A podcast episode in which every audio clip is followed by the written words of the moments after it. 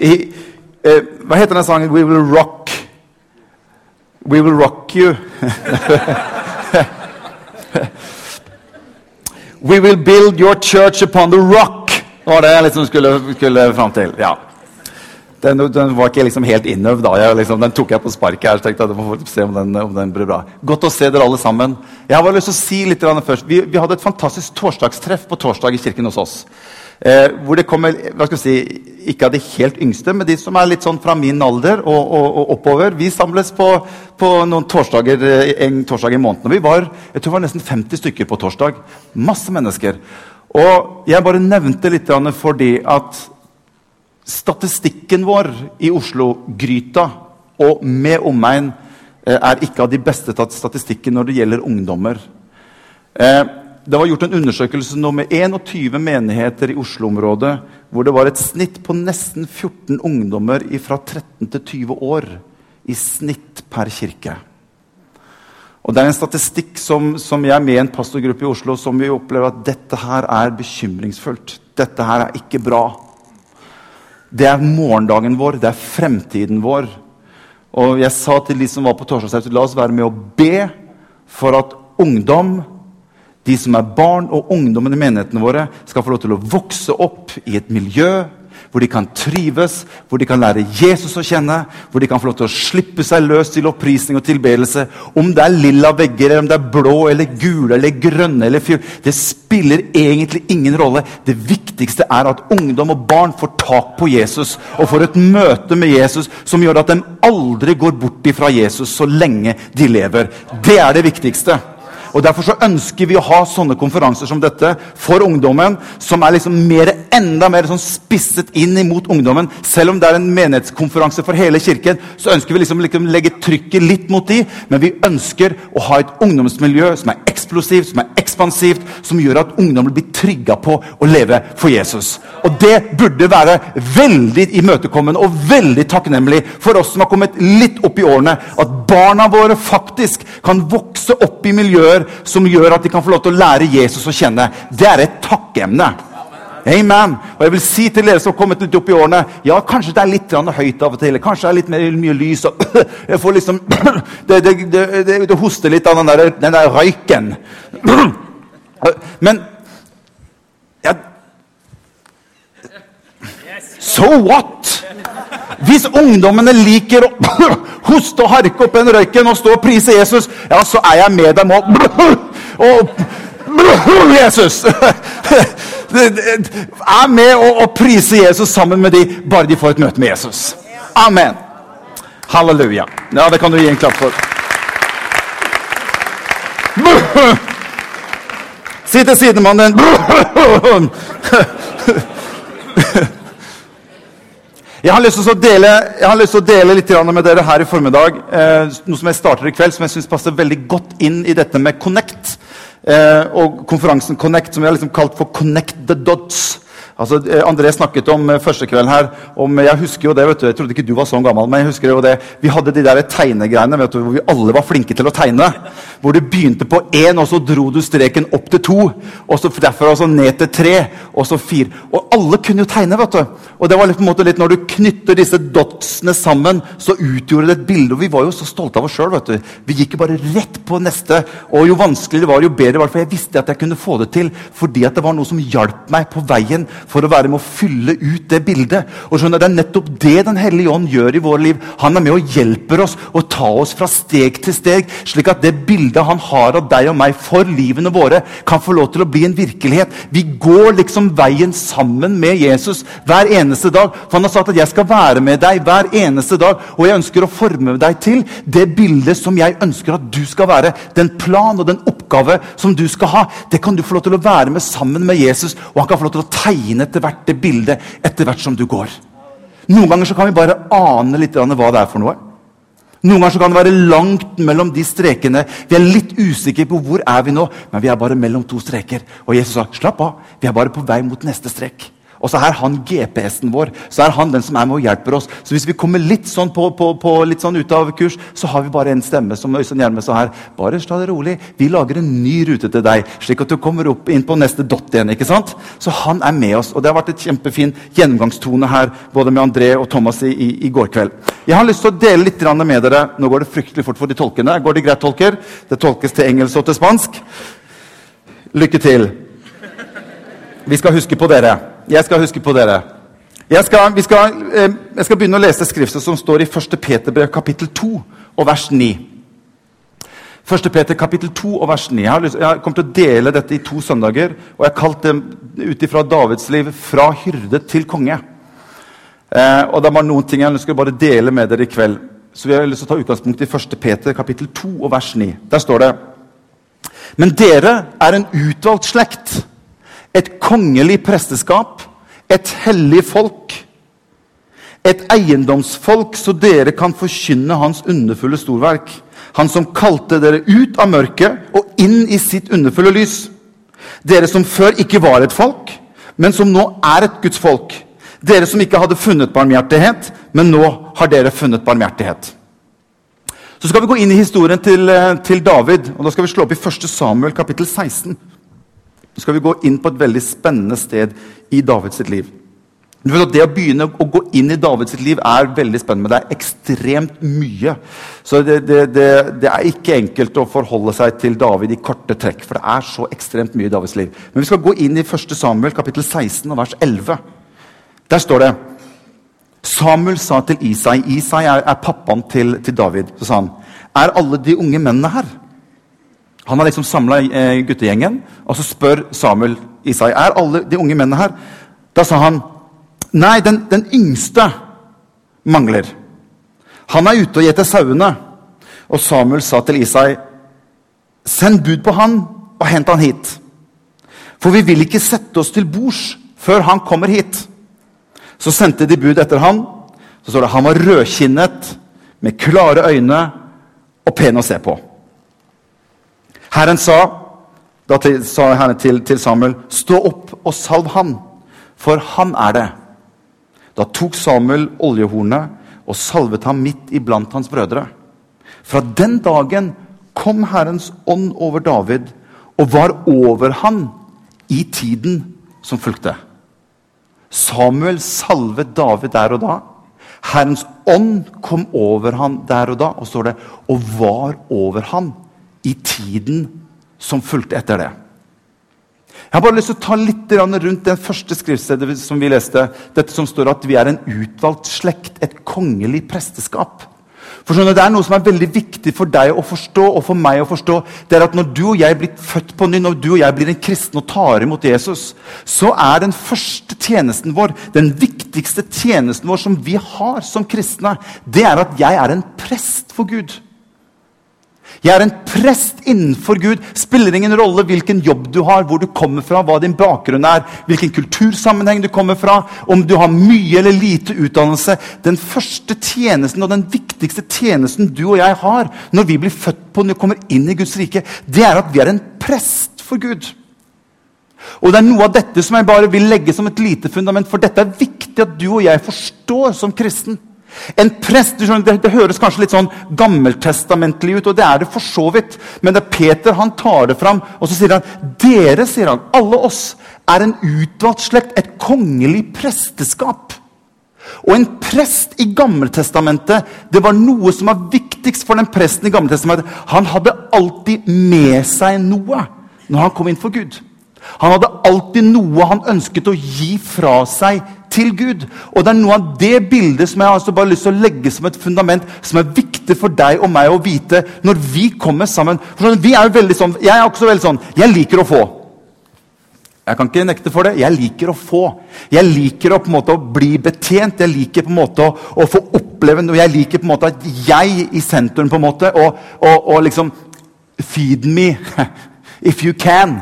Jeg måler litt om det er bra eller ikke, om det er skikkelig eller ikke, om jeg syns noe om det eller ikke. Jeg sitter på en måte og vurderer det hele tiden. Det går gjennom mine filtre hele tiden. Er det bra, ikke bra, syns jeg om det, ikke syns jeg om det, osv. Og, så har vi en mot mottakskultur i oss. Og vi vokser opp i et samfunn som lærer deg og meg opp til å bli mottakere og nytere i alt det vi gjør. Men når vi kommer inn i Guds rike, så er det akkurat som Thomas sa i stad hele konseptet snur.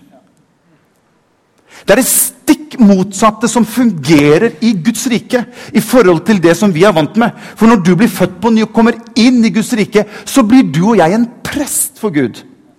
Og en prest han har alltid med seg noe som han gir fra seg. Og Det er det konseptet jeg vil at du og jeg skal kanskje få enda mer hva skal vi si, innunder huden vår når vi kommer sammen, når vi møtes i kirken. Så er det noe som Gud ønsker ifra oss. Han ønsker noe, for han har satt oss til å være prester. Hvis ikke det var noe han ønsket fra oss, så hadde han ikke satt oss til å være prester heller. Men derfor så står det i brevet La oss da ved ham stadig bære frem for Gud vårt lovprisningsoffer. Der kommer prestetjenesten inn. Og så står det det vil si frukt av lepper som priser hans navn. Ikke tankene dine. Du kan godt tenke på Gud, men det er noe med Han ønsker å høre noe fra din munn tilbake til han. Det er min og din tjeneste. Og jeg vil at vi skal lære oss enda mer å tenke på det at jeg er en prest for Gud. Så når jeg kommer i Kulturhuset på søndag, så er ikke jeg bare opptatt av å liksom finne ut om Morten preka bra eller ikke, eller om lovsangen var bra eller ikke. Nei, jeg kommer som en prest. Fordi at jeg har med meg noe som Gud ønsker. Hør! Du har noe som Gud ønsker. Og mange av oss tenker ja, men har jeg noe som Gud vil ha? Mange har vanskelig for tro Har jeg noe som han egentlig er interessert i? Ja! Det er derfor han har gjort deg og meg til en prest. Hvis du legger merke til når Jesus møter kvinnen ved brønnen, legg merke til hvordan Jesus begynner den samtalen. Han sier til kvinnen ved brønnen, 'Jeg tørster', sier han. Han begynner med sitt behov. Så sier han til kvinnen, 'Gi meg å drikke'. Det var utgangspunktet hans når han snakker med kvinnen ved brønn. Du og jeg har noe som Gud ønsker. Og det er det som Thomas sier, det er det hele Guds rike er bygget på. Det er ikke bygget ut ifra at du og jeg skal få få få.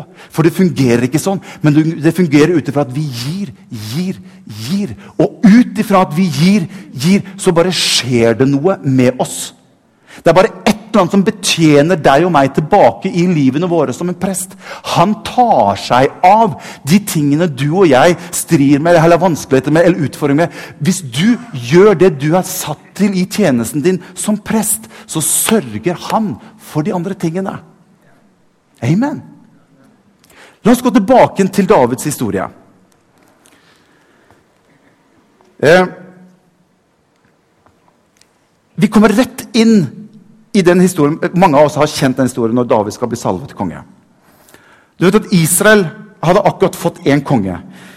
Israel de var litt sånn at ja, vi, vi, ønsker å få konge til, å, til å, å, lede oss, vi også. De andre nasjonene de hadde konger.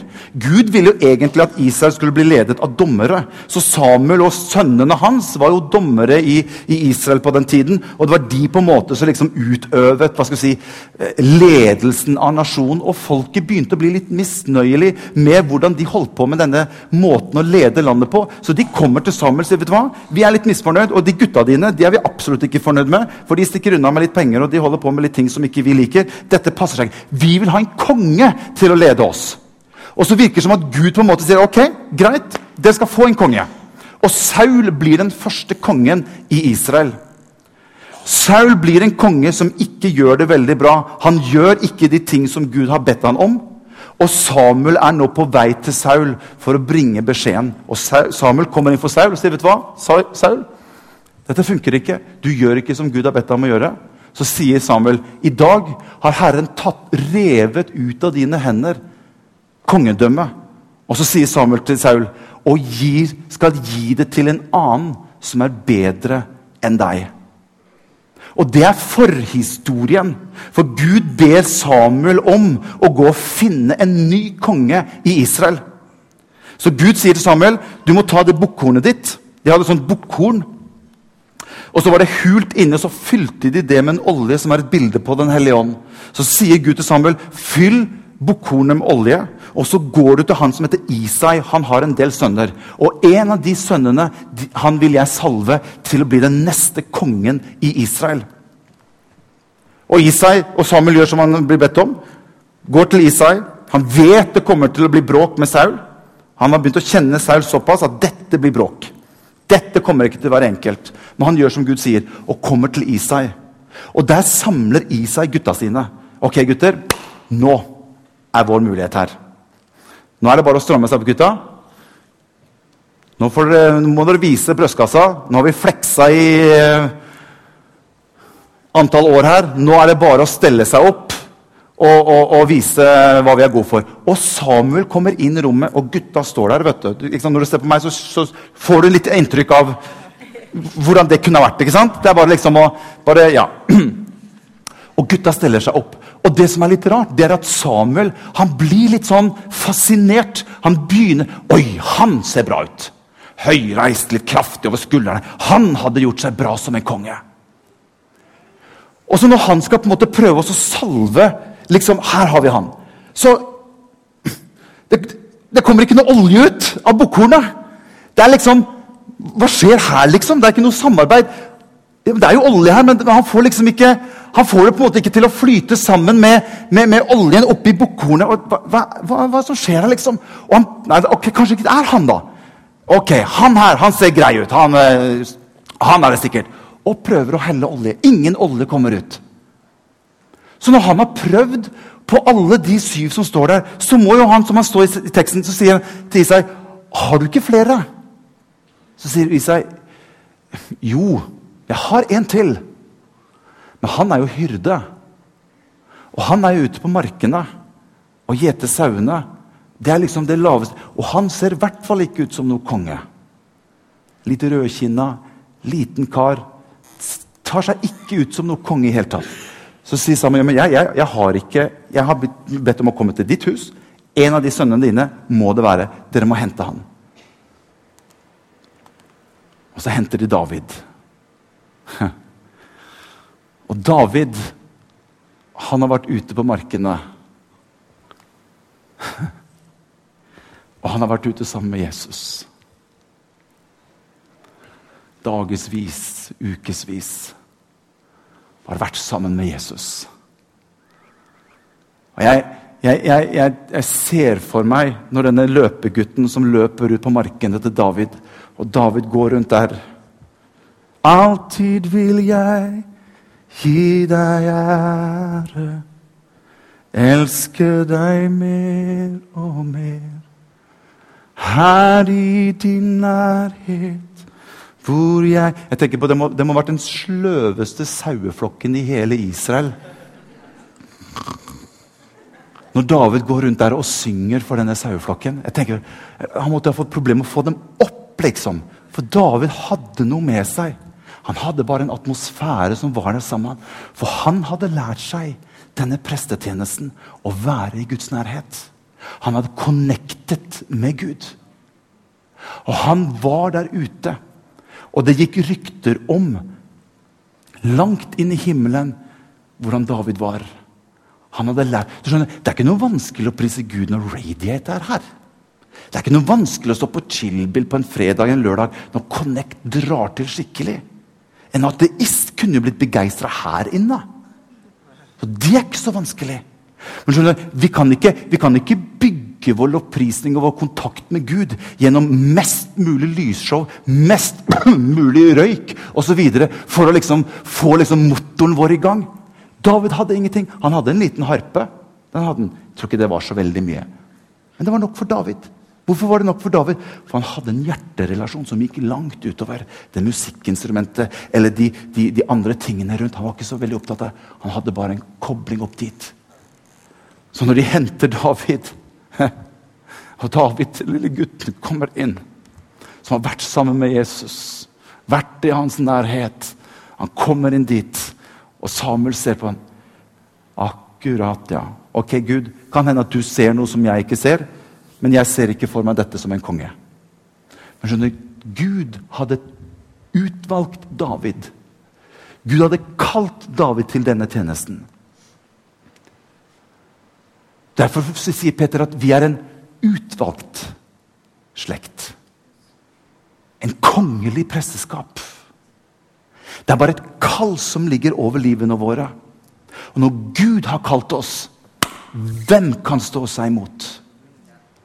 Det var bare noe i det kallet hos David som gjorde at når David kom inn i det huset, etter å ha vært sammen med Jesus ute på markene der, så skjer det bare et eller annet i det rommet. Det rommet fylles bare opp av et eller annet.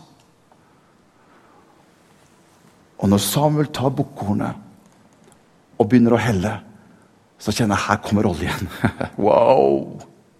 Her er den neste kongen. Han så ikke sånn ut.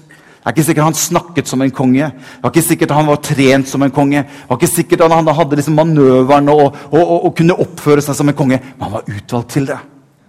Og der og da så blir han salvet til å bli den neste konge i Israel.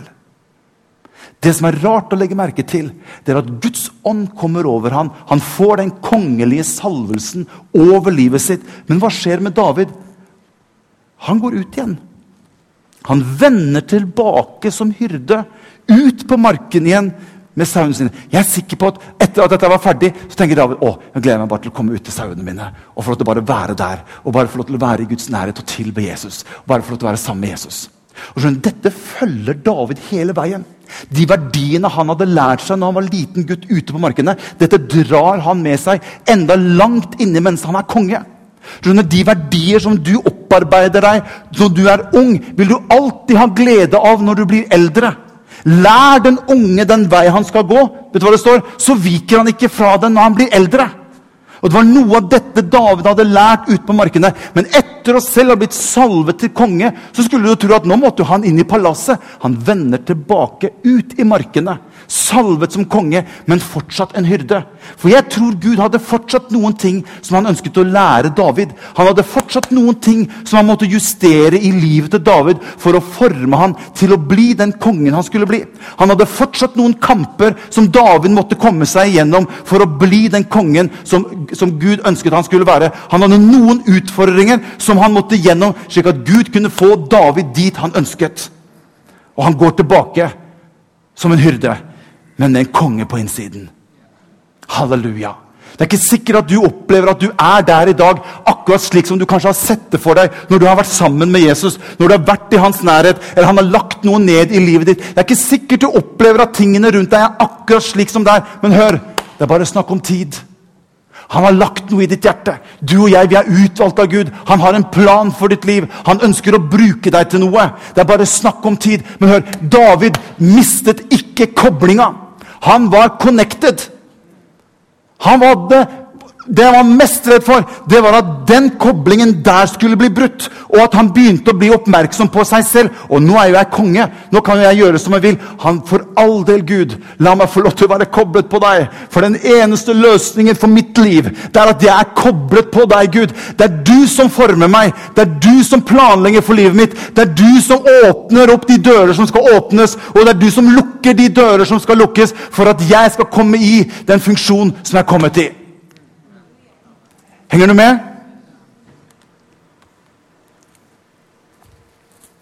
Så går det en liten stund. Jeg skal gå mot avslutning her. Så går det en liten stund.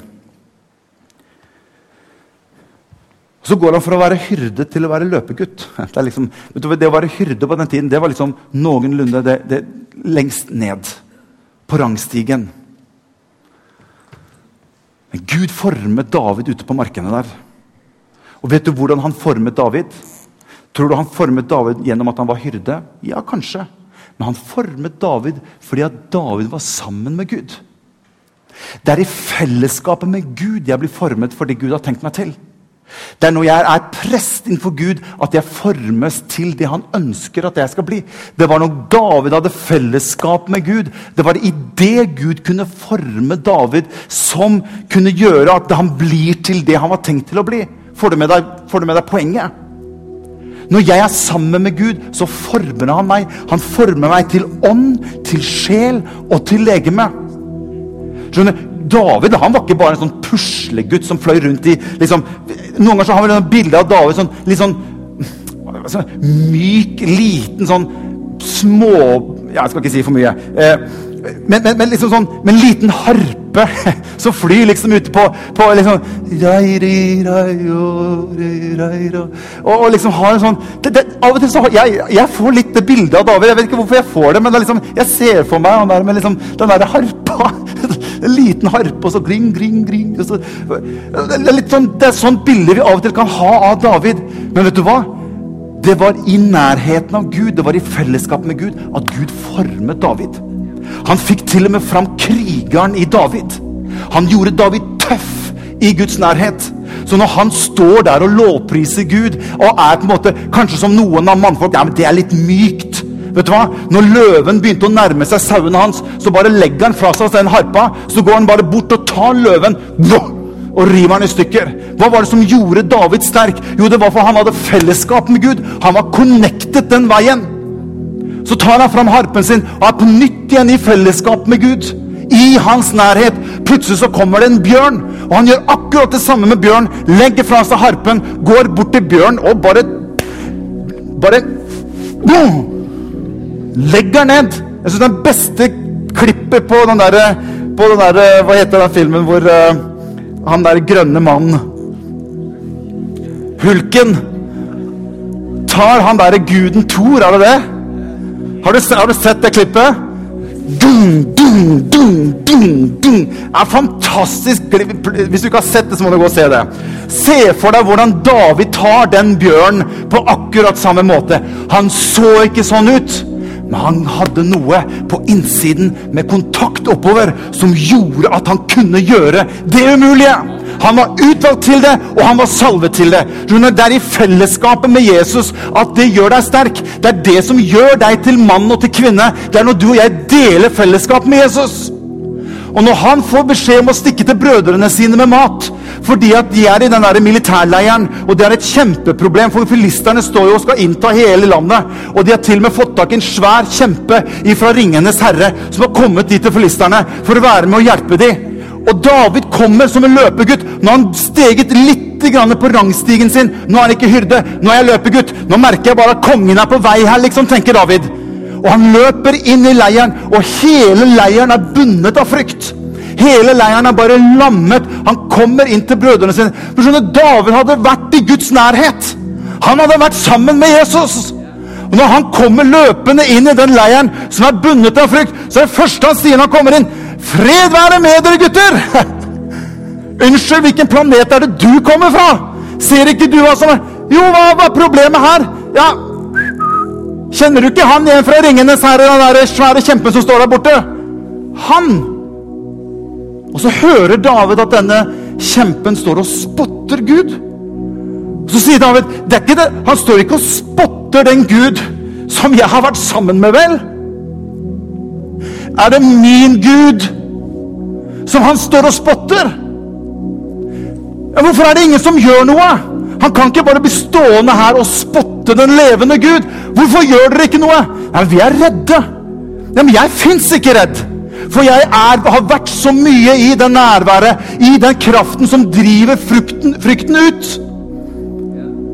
Og så går David. Ok, gutter. Hvis ikke dere er villige til å ta han, så skal jeg ta han. For jeg har sett hva Gud kan gjøre med mitt liv. Jeg har sett hva Gud er i stand til å gjøre. Han går rett imot denne Goliat. Goliat må tenke i all verden, hvilken planet er det du kommer fra, lille venn? David er tøff. Han tar bare med seg den lille slyngen sin. Så sier David til den Goliat Du skjønner, jeg har vært i Guds nærhet. Jeg er koblet på han, skjønner du. Og jeg har sett løver falle. Og jeg har sett bjørnefallet. Og nå skal det gå deg likedan, du kjempe. Jeg kommer ikke mot deg. Jeg er ikke noe sterk i meg selv. Jeg kommer ikke mot deg fordi at jeg har, er så veldig sånn trent og veldig flink til ting. Men jeg kommer imot deg i kraft av Han som jeg har delt fellesskap med. I kraft av Han som jeg har vært sammen med ute på markene. Når jeg har vært i hans nærhet. Og jeg har kjent han, Hans ånd har vært over meg. Det er Han jeg kommer mot deg.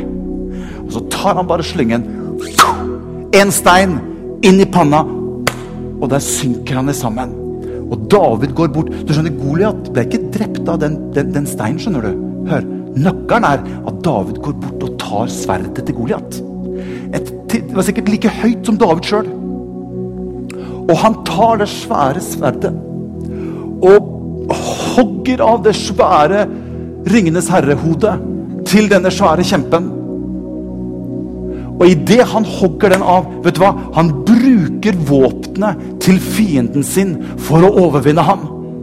Det er ingenting som er så sterkt når du kan ta våpenet fra din fiende og drepe din fiende med det. Det er derfor vi synger i den sangen 'Død, hvor er din brodd?' Du har helt mistet mulighet til å fungere. Jeg har tatt det våpenet som du skulle bruke meg, og så har jeg drept deg med det. Og når han hugger hodet av Goliat, så er det akkurat som den frykten som ligger over hele Israels leir, den bare løses i løpet av et sekund. Og frykten er borte pga. én mann som hadde vært innenfor Gud og delt fellesskapet med Gud, og som setter hele Israels leir i frihet.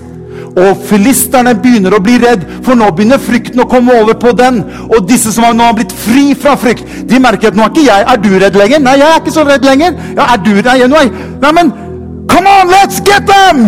Og da er det jo bare å kjøre på. Og så tar de filisterne. Fordi frykten brytes. Halleluja. Skjønner, Nå har faktisk David lagt inn litt sånne kort på valgkampanjen sin for å bli konge. Det tenker jeg. Nå begynner ryktene å gå om David. Det han hadde gjort til nå, var en frukt av at han hadde vært sammen med Gud. Siste poenget mitt før jeg er ferdig. Det holder ikke bare at du og jeg er koblet oppover. Gud har kalt oss til fellesskap med andre mennesker. Vi må være connected med hverandre. Etter dette så kommer Jonathan inn i Davids sitt liv. Det kommer kanskje litt inn på det neste søndag. Jonathan blir koblingen for å ta David ifra sin tidligere historie og inn i det han nå skal være som konge. Du kommer aldri til å gjøre alt aleine. Ikke tenk at du skal få til alt aleine. Du vil kan komme til et visst punkt. Etter det er du og jeg avhengig av mennesker rundt oss. Som mennesket setter ved vår side for å være med å føre oss videre inn i det neste nivå som kongen har for oss. Skal vi reise oss opp, alle sammen? Halleluja. Det fins en konge. Det fins en konge på innsiden av deg. La oss bare lukke våre hender og være i, i tilbedelse. Det fins en konge på innsiden av deg. Du kanskje tenker at jeg kommer aldri til å komme inn i det som Gud har kalt meg til. Hør, det er der, for du er utvalgt. Vi er en utvalgt slekt. Vi er et kongelig presteskap. Det er noe hos oss, i oss, ved Jesus, som han har kalt deg til. Jeg har lyst til å si til deg, ikke gi opp de ting som Herren viste deg, og som Herren har lagt ned i ditt hjerte. Kanskje du må gå gjennom noen kamper til. Kanskje du må ta noen løver til. Kanskje du må ta noen bjørner til. Men ikke gi opp. For Han har salvet deg. Han har fylt deg med sin kraft og sin ånd. Han er for deg. Halleluja. Halleluja. La oss bare være litt i bønn. Jesus. Jesus. Jeg har lyst til å stille første spørsmålet mens vi har våre øyne lukket. Hvis du er her i formiddag og du har ikke fått koblet deg på Jesus i det hele tatt du har hørt om han, du har kanskje lest om han, noen har snakket om han. Du selv har, har ikke følt at ditt hjerte har blitt koblet mot Gud. Så kan dette bli dagen hvor du kan koble deg mot Gud. Nå er det på tide at du kobler deg. Nå har du hørt så mye om Jesus, du har hørt så mye om Gud, og du kjenner at det er et eller annet inni deg som kaller deg, på samme måte som David, som var kalt av Gud. Denne unge gutten som Gud hadde en plan for. Gud har en plan for ditt liv. Han ønsker å bare koble seg på deg og livet ditt. Mens vi alle har øynene våre lukket, så har jeg lyst til at hvis du kjenner at jeg ønsker å koble meg på Gud Jeg ønsker å koble meg på Gud fra denne dagen av. Mens vi har øynene igjen, så kan du få lov til å løfte opp en hånd, sånn at jeg ser den nå. Gjør det. Det er én der. Det er én der. Er det flere? Du kjenner at det dunker i hjertet ditt. Du kjenner at det er et eller annet i magen. Gud kaller på livet ditt. Gud kaller på livet ditt. Er det flere? Bare løft opp en hånd, og så kan du ta den ned igjen, sånn at jeg ser den. Er det flere? Halleluja. Noen oppe på galleriet? Så sier jeg for i dag så ønsker jeg bare å være koblet på Gud. Og få mitt forhold til Gud i orden. I Jesu navn. I Jesu navn. Jeg kjenner at Gud drar på mennesker her. Halleluja. Halleluja. Guds ånd er her. Guds kraft er her. Halleluja. Jeg har lyst til å invitere deg, du som kjenner at noe av det budskapet som jeg har delt med deg i formiddag, det treffer deg. Du er litt sånn usikker på hvor du er i forhold til hva Gud har kalt deg til. Men du ønsker å stå fast. Du ønsker å stå, ikke å gi deg. Du ønsker å fortsette å være med og gå den veien som Gud ønsker at du skal gå. Hvis vi kan få lovsangstiden opp, så kan vi synge litt. Og så vil jeg gi en anledning til deg, du som kjenner jeg ønsker bare at noen skal være med og stå sammen med meg i dette. Jeg kjenner at Gud drar på meg. Jeg kjenner at Gud har noe for meg. Noen ganger så er jeg frustrert, noen ganger så vet jeg ikke hvor jeg er hen. Kanskje du er med et eller annet sted mellom to dots. Du vet ikke helt. Gud er med deg. Men vi ønsker bare å invitere deg til å komme frem. Og vi ønsker å være med og be for deg, legge våre hender på deg, stå sammen med deg. At Herren skal få lov til å fortsette å være med deg i din tjeneste. La oss bare fortsette å holde konsentrasjon mens vi alle er i, i tilbedelse her. Far, vi priser deg. Jeg ber deg for eneste en som, som rakte sine opp sine hender, Herre. Som søker deg. Jeg ber deg bare om at du skal fylle dem med din ånd. Fylle dem med din kraft, Herre. Takk for at du har en plan for oss, Herre. Jeg ber deg, Jesus. Jeg ber deg, Herre. Å, Jesus. Jesus elsker deg. Jesus har en plan for livet ditt. Det er ingen tilfeldighet at du er her i dag. Gud har forutsett dette øyeblikket. Han ønsker å møte deg i dag. Han ønsker å treffe deg i dag. Han ønsker å tale inn i livet ditt i dag. Inn i din situasjon i dag. Han vet om deg. Han vet hva du strir med. Han vet hva som er dine utfordringer. Likevel så er han interessert i deg. Halleluja. Vi synger litt, og så når vi begynner å synge, så du